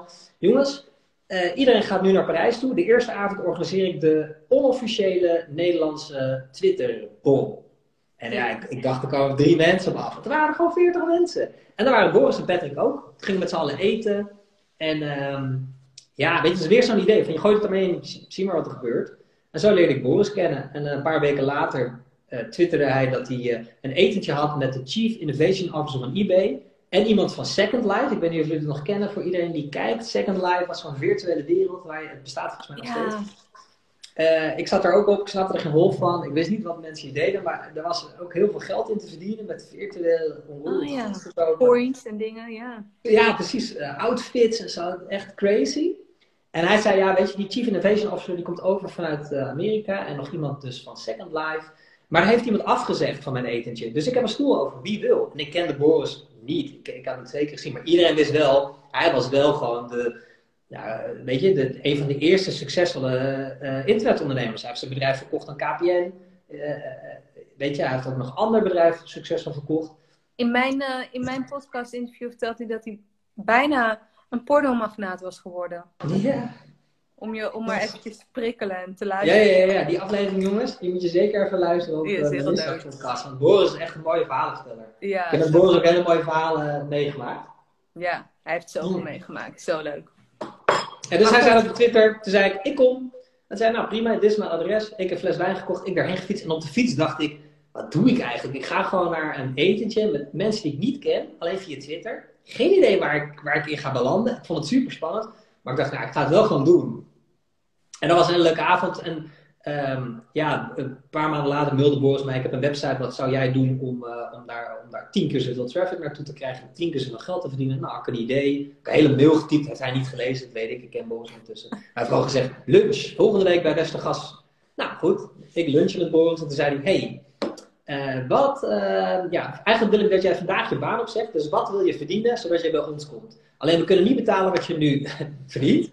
Dus wat is het minimale wat je wil verdienen? Want we zijn nog groeiende. Ik zeg, ja. Ik zeg, uh, ja goed, ik heb net een huis gekocht in Amsterdam. Ik verdien nu uh, dit. Ik verdiende 4500 euro netto. Fucking veel geld. Netjes. Zeker toen. En uh, toen zei hij, dat kan ik niet betalen. Ik zeg, oké, okay, wat kun je dan wel betalen? Ik zei, nou, weet je wat? ik kan je 35... Nou, hij zei eigenlijk, wat heb je nodig? Nou, ik heb een hypotheek. Um, dus ja, en ik heb mijn onkel, dus ik moet 3500 netto, moet ik wel, ik heb ook nog studieschuld, dus ik moet 3500 netto, moet ik gewoon echt hebben, anders kan ik niet leven. Anders woon ik voor niks in Amsterdam, kan ik niet uit. Ja, maar eerlijk zijn, 3500 netto. Hij zegt, oké, dat gaan we doen. Oké, tof. En toen, zei, en toen zei, zei, hij uit zichzelf, en als we uh, uh, zoveel omzet halen per maand, met Twitter-account, dat was een website, een start-up van hun, dan krijg jij je oude salaris weer. Dan dacht ik, oké, cool. En het grappige jongens, voor iedereen die kijkt, ik ben dus geswitcht van een baan waar ik 4500 netto verdiende, een vast contract had, super uh, groeiende business, travel. En ik ging naar een start-up, The Next Web, waar niemand binnen Nederland ooit iets van had gehoord, want The Next Web was bekender in Amerika dan in Nederland. Iedereen dacht dat het een Amerikaans bedrijf was. Ik ging 1000 euro minder per maand verdienen, netto. En ik kreeg geen vast contract, maar een contract van een half jaar. Iedereen om mij heen zei, inclusief mijn ouders, zou je dat wel doen? En zo heb ik heel vaak mijn keuze gemaakt. Want daar gaat deze podcast slash Instagram live over. Um, ja, keuzes maken, maar grove keuzes maken. En, ja. Want wat, wat was het aan Boris dat je die keuze maakte? Wat was het, wat gebeurde er in die tijd waardoor je die keuze ging maken? Ja, het was zo'n zo leuke tijd van al die mensen die je via Twitter leren kennen. Wat ik al zei, hè, mensen die nu, als jij een Naldo of een Alexander Klupping of uh, Oscar Kneppers of Boris wil bereiken dat wil iedereen op dit moment. Want iedereen heeft een goed idee, die wil die pitchen. En Alde heeft natuurlijk kerst met WeTransfer toen. Dus daar kom je gewoon niet meer zo snel tussen. Uh, en toen waren er maar 300 of 500 Nederlanders op Twitter. Dus iedereen kende elkaar. Dat was echt een Twitter-wereld. En dat was zo'n leuke, spannende wereld. Uh, dat gevoel heb ik meer gehad met social media. Omdat het spannend was, omdat het nieuw was? Wat was het? Nieuw, iedereen was heel leergierig, iedereen was heel uh, eerlijk, iedereen was heel vriendelijk, iedereen wilde elkaar echt helpen. Dit was een, een, een social community zoals echt een community is. Dat had ik nog nooit ervaren. Dat je online het gevoel hebt, we zijn met z'n allen in Nederland de techwereld aan het bouwen. Hoe vet is dit? Iedereen was met startups bezig. Nou, vergeleken bij die uh, energie was mijn baan, ook al was het in de online wereld, uh, bij Dingetje Weg, was eigenlijk best saai. En ik was ook wel gewoon klaar. Ik had een beetje ruzie met de chief financial officer, omdat ik veel te veel geld uitgaf aan Google AdWords. En hij vond het onzin. Ehm, we gaan er geloof ik bijna meer dan een miljoen uit. En uh, we kregen wel 3 miljoen voor terug. Maar hij vond het onzin, hij wilde het uitzetten. En daar hadden we hele godsdienstige discussies over. dus op een gegeven moment was ik klaar. Ik, ik ben ook iemand die weinig geduld heeft. Dus ik, ben ook, uh, ja, ik heb het ook voor mezelf een beetje verknald. Dus ik dacht, dit is gewoon klaar. Dus het kwam gewoon mooi uit. En toen kwam Boris met die beeld. En dacht ik, fuck it. Maar dat is wel belangrijk. Weinig mensen zouden switchen en minder gaan verdienen. Terwijl ik wist, dit is een interessante wereld. En ik weet niet waar dit heen gaat. Maar dit is vet. En hier moet ik bij zijn. En weinig mensen durven die beslissing te nemen. Omdat ze denken, ja, maar ja, wat denkt mijn omgeving dan wel niet? Ik ga duizend euro minder verdienen. En ik heb geen contract voor een vaste tijd. En allemaal fucking bullshit. Want er is toch geen zekerheid. En, en nu doe ik heel stoer, hè, jongens. Tuurlijk, ik vond het ook spannend. Maar ik ben wel uiteindelijk voor mijn gut feeling gegaan. Dat soort uh, beslissingen. En we komen er straks nog op. Maar zo heb ik nog wel een paar van die beslissingen. Dat mensen zeiden, gast, wat de fuck ga je nou, doen? Nou, wat, wat, wat is de volgende? Wat is de volgende beslissing die je daarna hebt genomen waarvan mensen dachten, you are crazy, Jorg? Ja, dat, het werkgerelateerd, maar ook misschien wel... Uh, ik heb ooit mezelf getatoeëerd toen ik 18 was op mijn hand. Dat was ook zo'n beslissing die niet handig was. Hm. Heb, ik, heb ik weer weggelezen, maar ik, ik hoorde dat je jezelf kon tatoeëren. dacht ik, fuck, dat ga ik proberen. Toen heb ik hier, heb ik, even kijken of kunnen jullie dit zien? Ja, je ziet hier dus nog een beetje groen. Ja. Ja, nou goed. Ik heb het weg laten lezen bij de Schumacher Kliniek toen ik 18 was. En toen dacht ik, ja, ik moet toch een baan gaan vinden. En ja, ik denk niet dat ze me gaan aannemen met tatoeage op mijn hand. Die was gewoon een hipster van la lettre, was je. Ja, Hipsters maar, er waren nog geen mensen met baarden. Er was nog niemand met tatoeage. En iedereen die tatoeage had, die was asociaal. Ja, dat was een beetje de, de vibe. hey, ik heb een paar mooie vragen gekregen. Ja. Eén ehm, vraag is hoe, uh, wat heeft, je hebt familieopstelling gedaan. Ja. Ik heb ook best wel een paar keer familieopstelling gedaan. Zou je willen delen wat je daaruit hebt gehaald? Ja, dus was een, een ad hoc familieopstelling. Dus ik had eigenlijk een heel familieopstelling weekend gepland staan, maar door corona kan dat niet doorgaan. Uh, maar ik deed een uh, cursus van Great Communicators over jezelf beter presenteren. Over, het gaat over professioneel spreken. En in die twee dagen heb ik super veel geleerd over jezelf presenteren en over. Ja, weet je, gewoon, ja, ik heb zoveel geleerd, daar kan ik dingen niet opnoemen. Maar uiteindelijk. Uh, het gaat eigenlijk dieper, toch? Hè? Het gaat eigenlijk dieper. Is van Het gaat veel dieper, want, want, want dat presenteren is maar bijzaak. Het gaat om hoe gebruik je je energie, je presence, hoe kom je op, durf je pauze te nemen, durf je rust te nemen. Ja. Maar dat heeft met zoveel meer te maken dan dan alleen presenteertechniek. Ja, dan een goed verhaal en een mooie presentatie. Dat is allemaal eigenlijk, nou ik wil niet zeggen bijzaak, maar het is wel ook weer een kernonderdeel. Ja. Maar misschien nog wel belangrijker is hoe je je energie managt. En hoe je je, je, je, je psychology managt. Wat zeg je tegen jezelf voordat je het podium opgaat? En Joni, die nu ook kijkt, um, Joni Bijs, die is een van de oprichters van Great Communicators. En Jaap, uh, die ik in mijn uh, vorige week had in de grote avondkoekshow, is een van de andere eerdere oprichters. Die is er redelijk snel uitgegaan. En zij coachten ook TEDx-sprekers. Ze, ze hebben David Allen gecoacht. Ze zijn echt goed. En Joni die heeft ook wel een gift daarin. In meer dan alleen spreken, maar ook wat meer aan de spirituele kant. En um, zij zei tegen mij, want ik, had, ik wilde afbellen. Ik zei, Joni, ik heb twee kindjes in een jaar gehad. Ik slaap voor geen ene meter. Ik voel me absoluut niet mezelf al een half jaar. En, en, en deze week is echt een van de kutste weken. En ja, sorry dat ik het moet doen. Ik vind het niet leuk. Maar eigenlijk wil ik gewoon niet komen. Of ik ga gewoon niet komen. Het zei ze, ja, eigenlijk wil ik wel dat je komt. Want ik denk dat er iets voor jou te halen valt. En toen dacht ik, oké, nou, dan vertrouw ik je en dan, dan kom ik. Het was niet zo netjes dat ik af wilde zeggen. Maar ik, was, ik zat er helemaal doorheen. Ik moest gewoon ergens een streep doorheen in mijn agenda. En dat was dat. En ik ben heel blij dat ze mij ze heeft niet heel veel hoeven doen om over te halen. Ik ben heel blij dat ze het toch heeft gedaan. Ja. Toen waren we in het weekend. Toen zei ze op zondag, jongens, Jorg moet eerder weg. Want ik moest ook Sarne weer ontlasten. Want we hadden het echt zwaar met de twee kindjes thuis. En toen zei ze, uh, jongens, uh, we zaten met zeven mensen in een klooster. Echt een mil of mooier. En jongens, ik ken Jorg al wat langer. Um, dus ik ga niet heel veel tijd spenderen aan het verhaal. Ik ken zijn verhaal. Dus ik ga, de half uur wat ik nu heb voor Jorg, ga ik een familieopstelling met hem doen. En uh, ik had het niet verwacht, dus ik dacht wel zo, oh, oké, okay, spannend. En ik heb wel altijd al gewild dat, dat willen doen. Uh, dus ja, uh, toen dook er een familieopstelling in. En dat was, ja, het is heel persoonlijk om daar dingen van te delen. Ja, je hoeft natuurlijk niet alleen wat je wil delen, je hoeft het absoluut niet te delen. Ik weet hoe persoonlijk het is. Ja, dus wat ik niet had verwacht is dat ik binnen een minuut stond te huilen. En ik huil de laatste keer dat ik heb gehaald was op een begrafenis. En, en, en, het is niet mijn uitlaatklep. Ik weet niet wat daar zit. Daar zit ook iets overigens. Maar ja, ik stond gewoon te janken. Omdat ik mijn vader en mijn moeder achter me had neergezet. Dat is zo speciaal, dat familiebestelling. Ik weet niet of je, voor de mensen die kijken die het nooit hebben gedaan. Daar zaten daar met zeven mensen. Joni zei, ga staan. adem even in en uit. Uh, grond even, aard even. En uh, kies even twee mensen hier in die je al wat beter kent. Uh, die jouw vader en je moeder gaan ja, niet spelen, maar die wel daarvoor even de energie van nemen.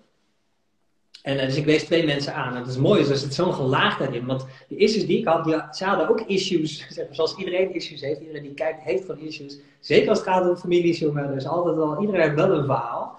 En het, is, en het is heel helend. En dat is waarom ik familieopstellingen ook graag wil doen. Omdat ik mijn shit, wat mij is doorgegeven door mijn vader of moeder. En wat aan hun is gegeven door hun vader en moeder wil ik gewoon niet meer doorgeven aan mijn dochter. En dat doe je op het moment dat je dochter is geboren of je zoon is geboren, geef je al shit door. En ik wil het liefst wel goede dingen doorgeven. En niet de shit die ik meedraag al generaties. Want dat kan. En er was dus bijvoorbeeld iets, een opvatting over altijd maar keihard zwoegen en werken. En, en dat is iets van, uh, niet alleen van mijn vader, maar ook van mijn opa die in een, in een Japankamp heeft gezeten. En mijn andere opa in een Duits kamp in de Tweede Wereldoorlog, in een werkkamp. Um, en misschien ook nog generaties daarvoor, dat arbeid en werken, dat dat de enige uitweg is naar nou, daaruit of succes. Of, ja. En um, dat is een opvatting ja. die ik jarenlang heb gehad, waardoor ik drie keer tegen een burn-out aan heb gezeten. Omdat dat de enige opvatting was die ik dacht van als ik maar werk, dan komt het goed. En hoe harder ik werk, hoe beter het wordt. En, en daar zit, dat is niet duurzaam. Getuige 1 op de 7 Nederlanders heeft nu een burn-out, of burn-out-achtige klachten, laat ik het even goed zeggen. Cijfers van de CBS. Ik denk dat het burn-out gehalte nu nog wat hoger wordt door de lockdown helaas. Dat weet ik wel zeker. Maar hoe, ehm, hoe, hoe ga je daarmee om? Ben je aan het vertragen? Wat, wat ben je aan het doen? Je bent gestopt met Culture Builders. Heeft dat geholpen? Ja, mede dankzij jou trouwens. Jij was een van de mensen die mij een nudge gaf. Dat, je, dat is natuurlijk een heel proces. Maar jij was daar ook ergens in dat proces en jij zei, gast, wat fuck ben je nou aan het doen? Dan dacht ik, oh ja, fuck ben ik nou aan het doen? Ik, ik wist het al wel, maar jij zei, gast, je houdt dan toch jezelf voor de gek. En ook een beetje anderen, weet je wel. Je weet het eigenlijk wel. Zoals we allemaal wel. Als het gaat over moeilijke keuzes, daar gaat deze uitzending nu over, deze podcast. Als je terugluistert bij Melissa of bij mij. Dit gaat over moeilijke keuzes maken. Maar stiekem heel vaak, als je de tijd neemt om naar jezelf te luisteren en naar je intuïtie, of hoe je het ook wil noemen, gewoon even in te checken bij jezelf, weet je eigenlijk wel wat er moet gebeuren. Maar hou je jezelf tegen omdat je het spannend vindt en omdat het, dat je de uitkomsten niet weet. Maar uiteindelijk... Waarom was het zo spannend om, om te stoppen met culture builders? Want, want heel erg voor de luisteraars, voor mij was het heel duidelijk dat jij je eigen merk aan het bouwen was. Door het vloggen, door eigenlijk allemaal andere dingen die je aan het doen was. En Culture, culture Builders was, kostte jou te veel tijd en te veel energie. En het gaf je te weinig terug. Ja. Wat, wat vond je spannend aan om het te stoppen? De, het oordeel van anderen. Dus uh, op mijn 36e, 36 ben ik begonnen met ondernemen. Dat, dat vond ik laat. Niet te laat, maar ja, vond ik wel laat. En, Zo ehm, grappig is dat, joh. Er zijn zoveel mensen die na hun veertigste pas gaan ondernemen. Op ja, 50, nee, nu zou ik nooit zeggen dat... Maar goed, het voelde wel als... Um, nou goed. Ja, laat. Dat ik, dat ik ging ondernemen was ook een hele heftige beslissing. Dat is misschien nog wel even heel kort en belangrijk om te vertellen. Want dat maakte ook waarom Culture wilde stoppen ook weer zo'n heftige beslissing was. Ik zat bij ik ging van uh, de Next Web naar Messersburg. Ik was nummer 7. Ik kreeg aandelen. Ik had ook aandelen in de Next Web. Dat was mijn pensioen. Want bij die starters uh, laat je nooit, uh, laat je nooit, ja, bouw je nooit pensioen op. Meestal regelen ze dat niet. Dus moet je het zelf regelen. Dus ik had aandelen in de Next Web. Ik was de eerste van buitenaf die aandelen kreeg. Of moest kopen. Um, en die heb ik teruggegeven aan de Next Web. En het ging naar Messersburg. En Messersburg had, was een platform voor sms. En iedereen zei, wat de fuck ga jij nou weer doen? Jij gaat van het hotste start. Want de Next Web was toen echt bekend al. Ook in Nederland Jij ziet alle nieuwe technologie. Wij waren de eerste die Tinder aan het uitbaren proberen in Europa. Ik, was, ik denk dat ik een van de eerste users op Tinder was in Europa. Patrick, Patrick Beleve, de, de van de medeoprichter van de Next Web. En Boris. Waarschijnlijk zaten met z'n drieën. Misschien Sophie, die zat ook bij de Next Web toen. Zaten met z'n vieren op Tinder. Het was echt...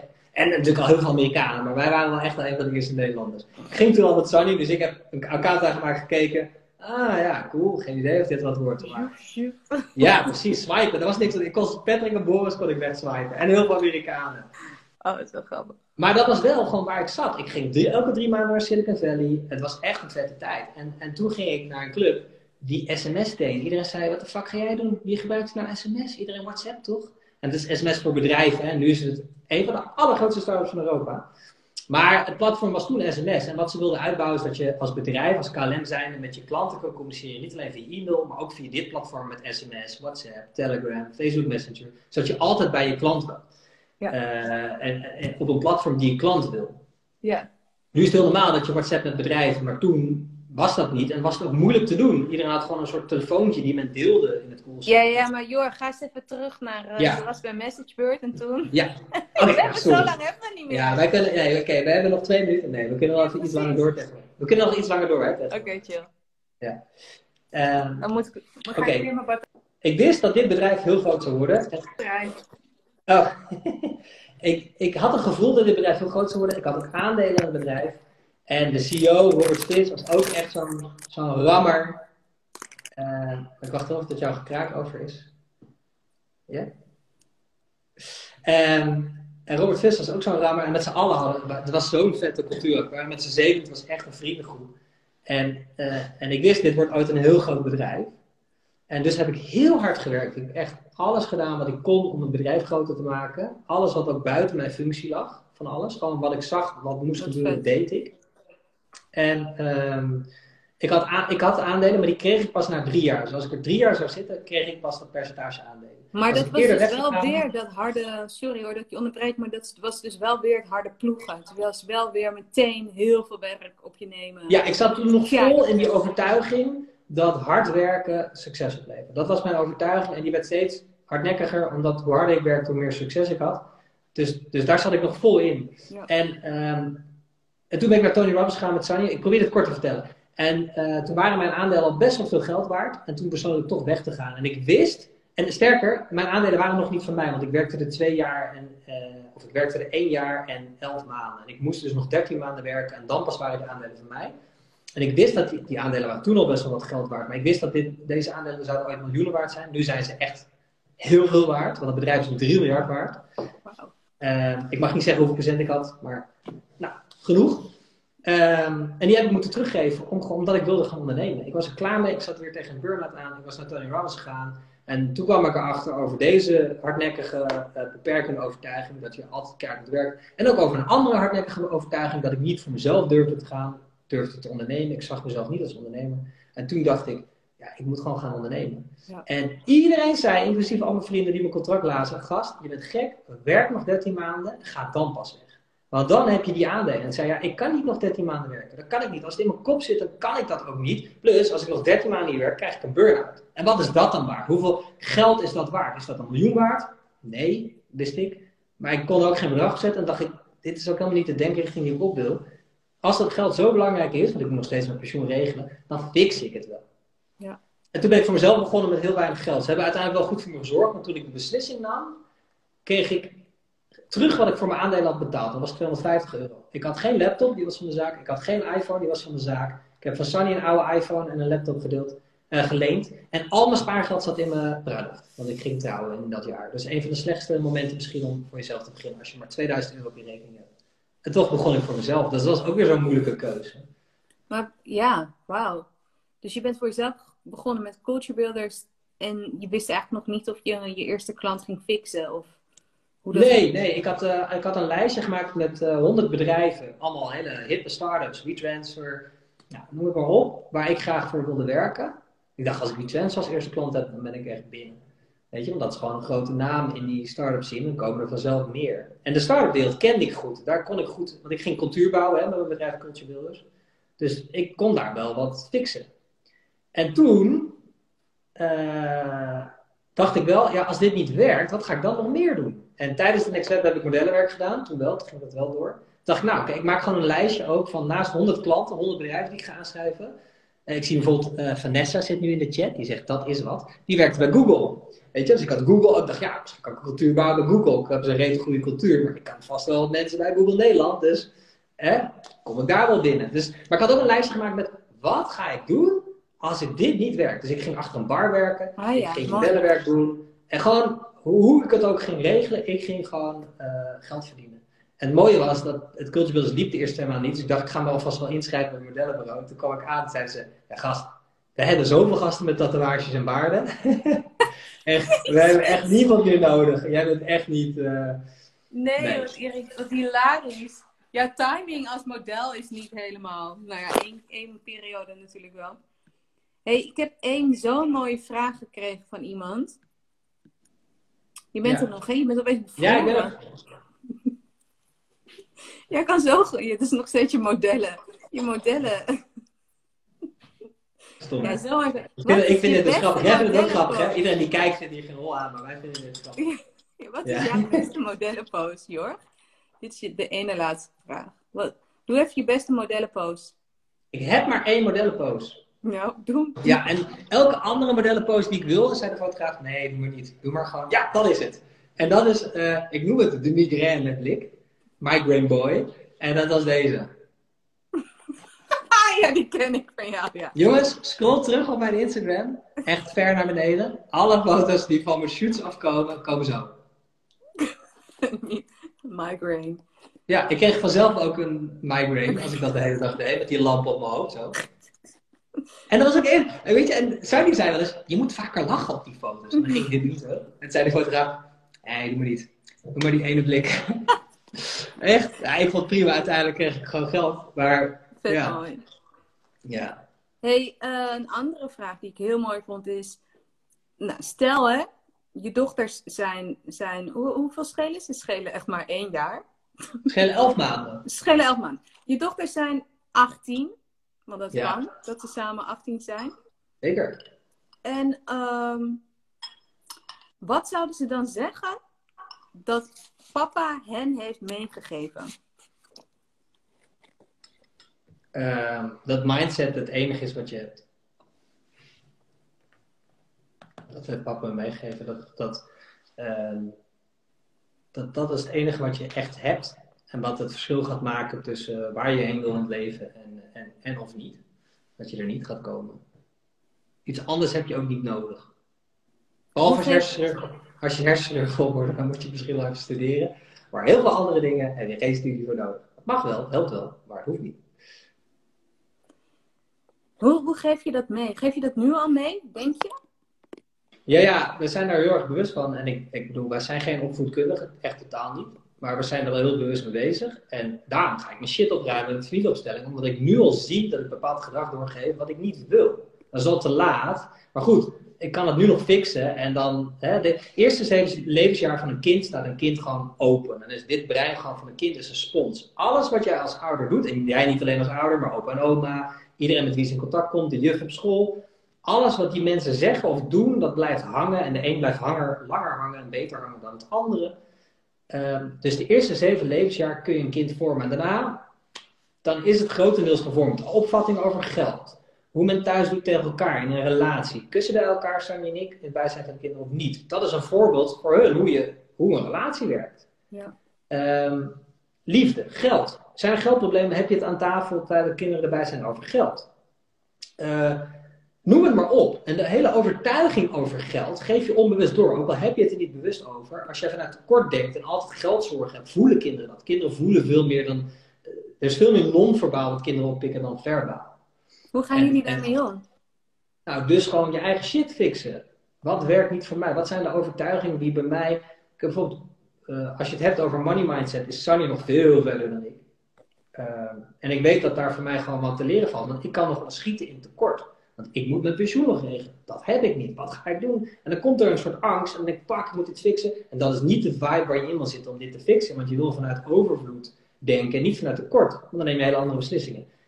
Dat wil ik gewoon beter maken, omdat ik weet dat ik dat doorgeef. Nu al, op dit moment kijken ze naar mij hoe ik ben als het over geld gaat. En dan ben ik niet helemaal zo, oh my god, maar gewoon, ja. En dus, dus, dat, dus ja, het is gedrag. En later kun je het ook met ze erover hebben. Maar ja, vaak wel als ze ouder zijn dan zeven. Dus dan is het grootste leed of de grootste uh, bonus is al geschied. Ja. De grootste winst. Ik heb nog een andere vraag zelf. Ik ben ook zo altijd nieuwsgierig. Hè? Jullie vloggen heel veel. Is het, of lijkt het maar zo? En, en, en wat is de impact op jullie familieleven op dat gebied? Nou, mooie vraag. Is die van jou of van een, van een kijker? Van mij, is van mij. Ben ik altijd nieuwsgierig naar geweest. Dus het waren twee vragen, hè? Nee joh. Jullie vloggen dus, veel en, en wat is de impact op, op jullie kiddo's? Uh, ja, dat is ja, op ons leven. Ja. Nou, het lijkt alsof we vloggen, maar ik heb net twee maanden niet gevlogd. Want ik denk, ja, ik, ga, ik heb er geen zin meer in. Mazzel. Dat is wat heel veel mensen ook niet durven, die beslissing te nemen. Als je eenmaal bent gestart, zeggen heel veel mensen, je moet elke week content pushen. Anders word je geen grote blogger. En dat klopt, of vlogger, of wat het vakje wil worden. Dat klopt ook. Maar ja, als jij er geen zin meer in hebt, ga je toch geen goede content maken. Dus als ik er geen zin in heb, doe ik het gewoon niet. En dan zeggen mensen, waar blijf je vlog? Ik zeg, ja, weet ik niet. Misschien volgende week. Weet je, ja. Dus ik heb twee maanden niet gevlogd, dat scheelt. Want het ging alleen maar over verbouwing. Op een gegeven moment was ik er klaar mee en dacht ik, ja, daar wil ik niet aan mijn... Ik ben geen verbouwingsvlog. Dus op een gegeven moment is, het op, het gaat over mindset en dan kom ik later weer een keer terug. Ja. Maar als wij vloggen, heeft impact op het gezin in de zin van... Kijk, als kinderen komen wel in beeld. Ook met een gezicht, hè, dat is ook een keuze niet een bewuste keuze om het te doen, maar het is in ieder geval een bewuste keuze om niet hun gezicht af te schermen. Ja. Ehm, als ze ouder worden is dat misschien anders, weet ik niet. Bij ons we hebben het daar gewoon, het is een continue conversatie. Het heeft een positieve impact, het heeft een negatieve impact. Het heeft een positieve impact omdat we kunnen doen wat ik hier nu doe. Dat ik hier nu nog steeds 144 mensen, wij samen 144 mensen kunnen boeien. dus gemiddeld elke seconde van deze live, terwijl we een uur bezig zijn, zitten er gemiddeld 150 mensen te kijken vallen heel veel mensen af, komen heel veel mensen bij, zie ik in de chat. komen steeds nieuwe mensen bij. Uiteindelijk zullen wij misschien wel 2000 mensen gehad die hier naar kijken. Dat is tof. Dat je gewoon door je social media presence, dat er 2000 mensen naar jou willen kijken. En, en hopelijk zijn er een paar honderd die daar iets tofs uithalen. En al zijn het er tientallen, ben ik ook al fucking blij. Dat is het mooie. En dan kun je mensen dingen meegeven, hoe jij het leven ziet. En je kan, je kan uh, iets verkopen. Wij hebben een online programma. Uh, ik moet ook mijn huur betalen. Dan maak ik gelijk een bruggetje naar het negatieve. Er zijn mensen die zeggen, ja, jij bent ranzig. Want jij verkoopt een online programma. Dan denk ik, ja grap, ik doe dit al uh, acht jaar of zo. Uh, nou, dat is niet waar. Ik vlog al vier jaar. Uh, ik zit daar elk weekend aan te werken. Ik geef gewoon anderhalve dag van mijn week op aan content maken. Gratis. En dan na vier jaar heb ik een online programma. En dan ga jij oordelen dat ik een geld nog ben. Dat is een comment die letterlijk dan... Meestal om één uur s'nachts. Dat zijn die mensen van... Meestal om één uur s'nachts komt die comment. Maar ook gewoon overdag. En dat is het nadeel... Uh, die negativiteit online die je krijgt. Nou, iedereen heeft een mening. En als je influencer wil worden, voor iedereen die kijkt die dat stiekem wil worden, want mensen durven dat nooit hardop te zeggen. Maar er zijn altijd mensen die denken stiekem, dat wil ik ook. Uh, is het goed om je mentaal ook te trainen om het oordeel van anderen meer naast je neer te leggen. Want je doet het nooit goed. En zeker in deze coronatijd, waar iedereen echt lange tenen heeft gekregen en iedereen gewoon over de zeik is thuis, inclusief ik wel eens ben je gewoon prikkelbaarder. En dus doet iemand wat en dat triggert jou. Het gaat ook nooit over mij eigenlijk. Het gaat meer over die mensen, dat weet ik wel. Alleen het is niet leuk om bepaalde DM's te krijgen. Of dat er mensen bij je aanbellen in Amsterdam of je thuis bent. Positief, maar ja, in dat meen je. Of dat mensen willen weten waar je woont. Of dat mensen je adres ergens in de comments gooien. Dat is... Uh, wij zijn wel iets voorzichtiger geworden in positieve zin van... We vinden het superleuk als iedereen enthousiast reageert. Maar je moet ook iets, niet achterdochtig zijn, maar je moet iets uh, voorzichtiger zijn. Omdat ook mensen zijn, gewoon, die zijn gewoon, ja, die volgen je al drie jaar en die denken dat, dat ze gewoon kunnen aanbellen om tien uur s'avonds, omdat ze je gewoon zo goed kennen.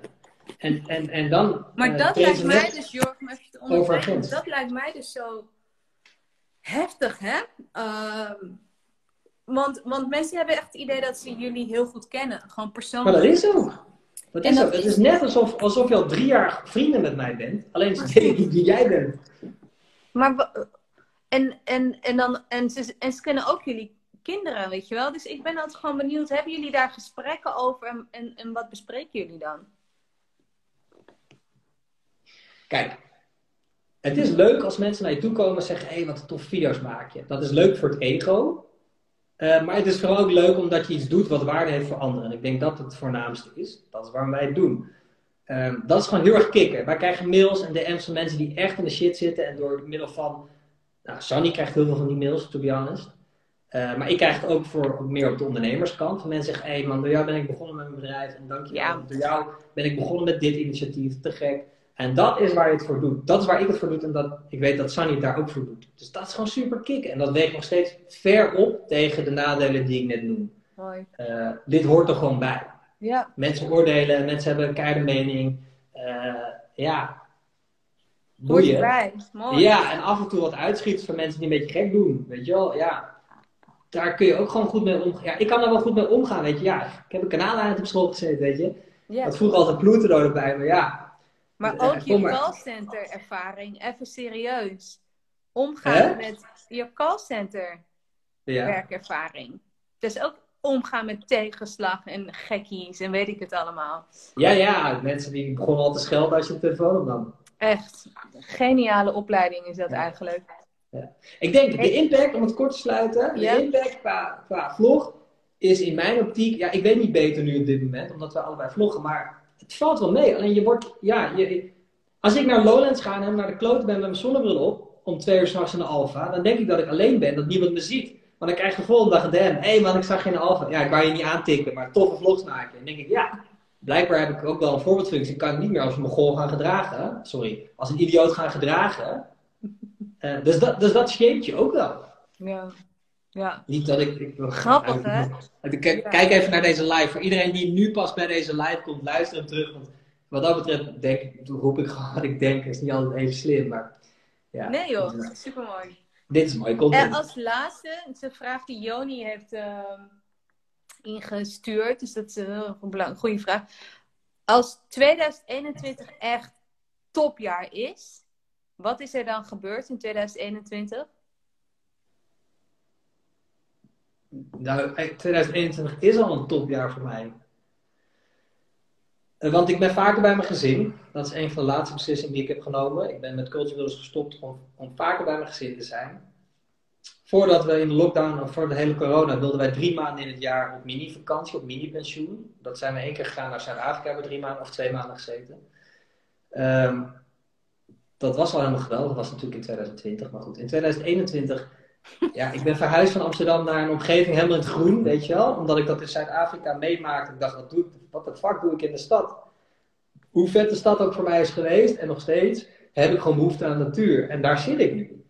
Ik zit op de beste plek in een lockdown, weet je. Ik zit niet meer in mijn appartement in Amsterdam met twee kinderen en, eh, en een mini-tuintje. Dus wat dat betreft leef ik al een heel mooi 2021.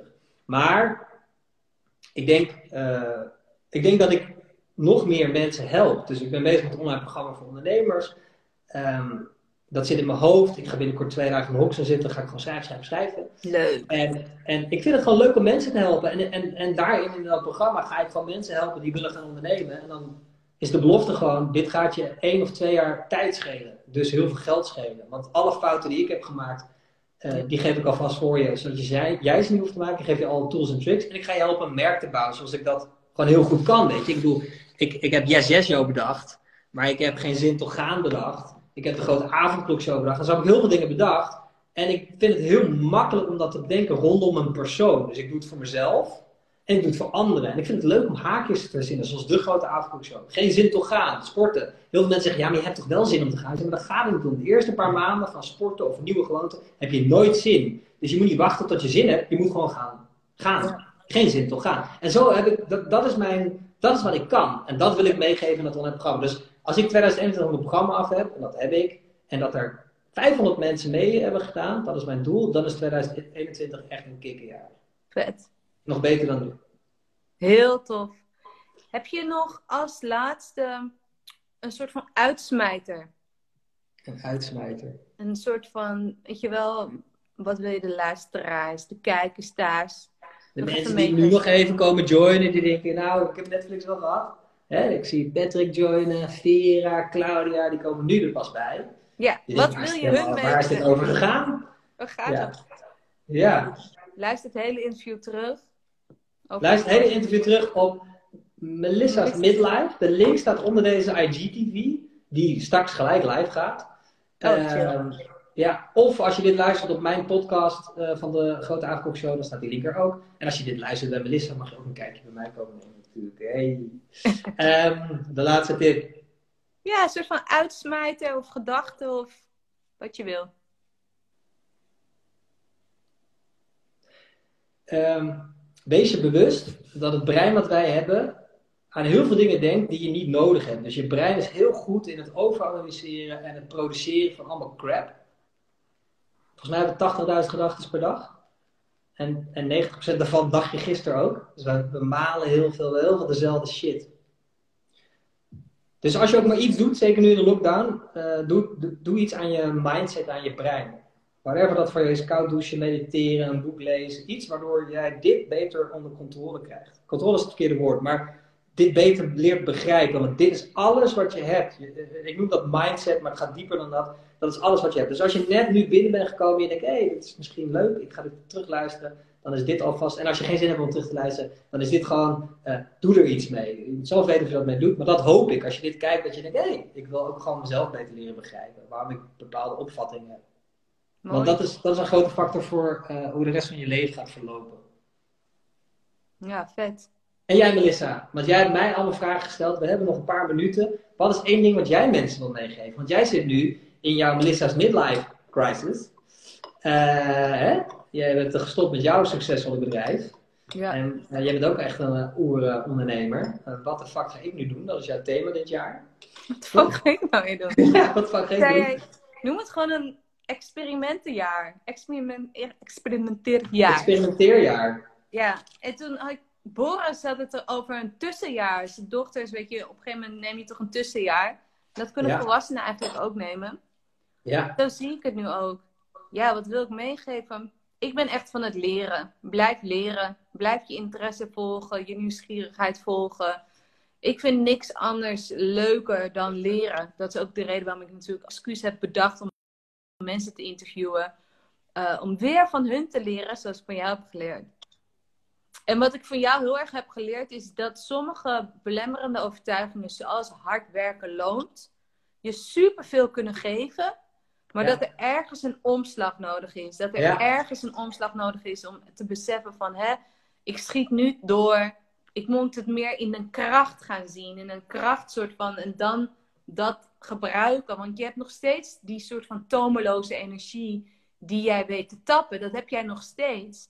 Maar je doet het iets meer vanuit een plek van rust en, en ehm, nou ja, ja, rust eigenlijk vooral. Ja. En dat je ervan geniet en van flow. Ja. Dus dat heb ik even van jou geleerd. Mooi. Dankjewel, Jor. Dankjewel. Wacht, voordat, voordat Instagram ons eruit gooit. Oh ja. Ik ga scrollen en jij gaat stop zeggen. En diegene wint deze uh, uh, green juice van Superfoodies, van de sponsor van de Grote Avondkoekshow. Ben ja. de sponsor van Midlife, Melissa's Midlife. Sowieso. Ik, ga, ik, ik, ben aan het scrollen, dus jij ja. mag stop roepen. Stop. Oké. Okay. Alwin Essence. Ik hoop dat ik je naam goed uitspreek. Ik hoop dat je, je nog bent. Vorige keer bij Jaap had je ook een Alwin. Is dat zo? Alwin Essence, ik ga het even nakijken, maar als jij uh, een originele, unieke Alwin bent ten opzichte van de vorige keer, win je bij deze de Superfoodies Green Juice. En als het blijkt dat ik je deze al eerder heb toegekend, dan fix ik wel wat dat iemand anders wint. Yay! Yay! Dankjewel. Melissa, dankjewel voor je vraag. Ik ben er helemaal van gaan zweten, zoals je ziet. Dus je hebt me goed het vuur aan de schenen gelegd. Um, ik wil iedereen bedanken voor het luisteren en kijken. En um, uh, als je dit terug wil horen, nee, nee je hebt dit al geluisterd. Uh, volg Melissa, uh, wat is het? Melissa underscore Marijn? Melissa Marijn. Melissa Marijn op Instagram. Melissa's Midlife op alle podcastplekken. En dit was de Grote Avondklokshow. En we willen jullie hartelijk bedanken voor het kijken en luisteren. En we hopen jullie de volgende keer weer te zien. Ciao! Ciao!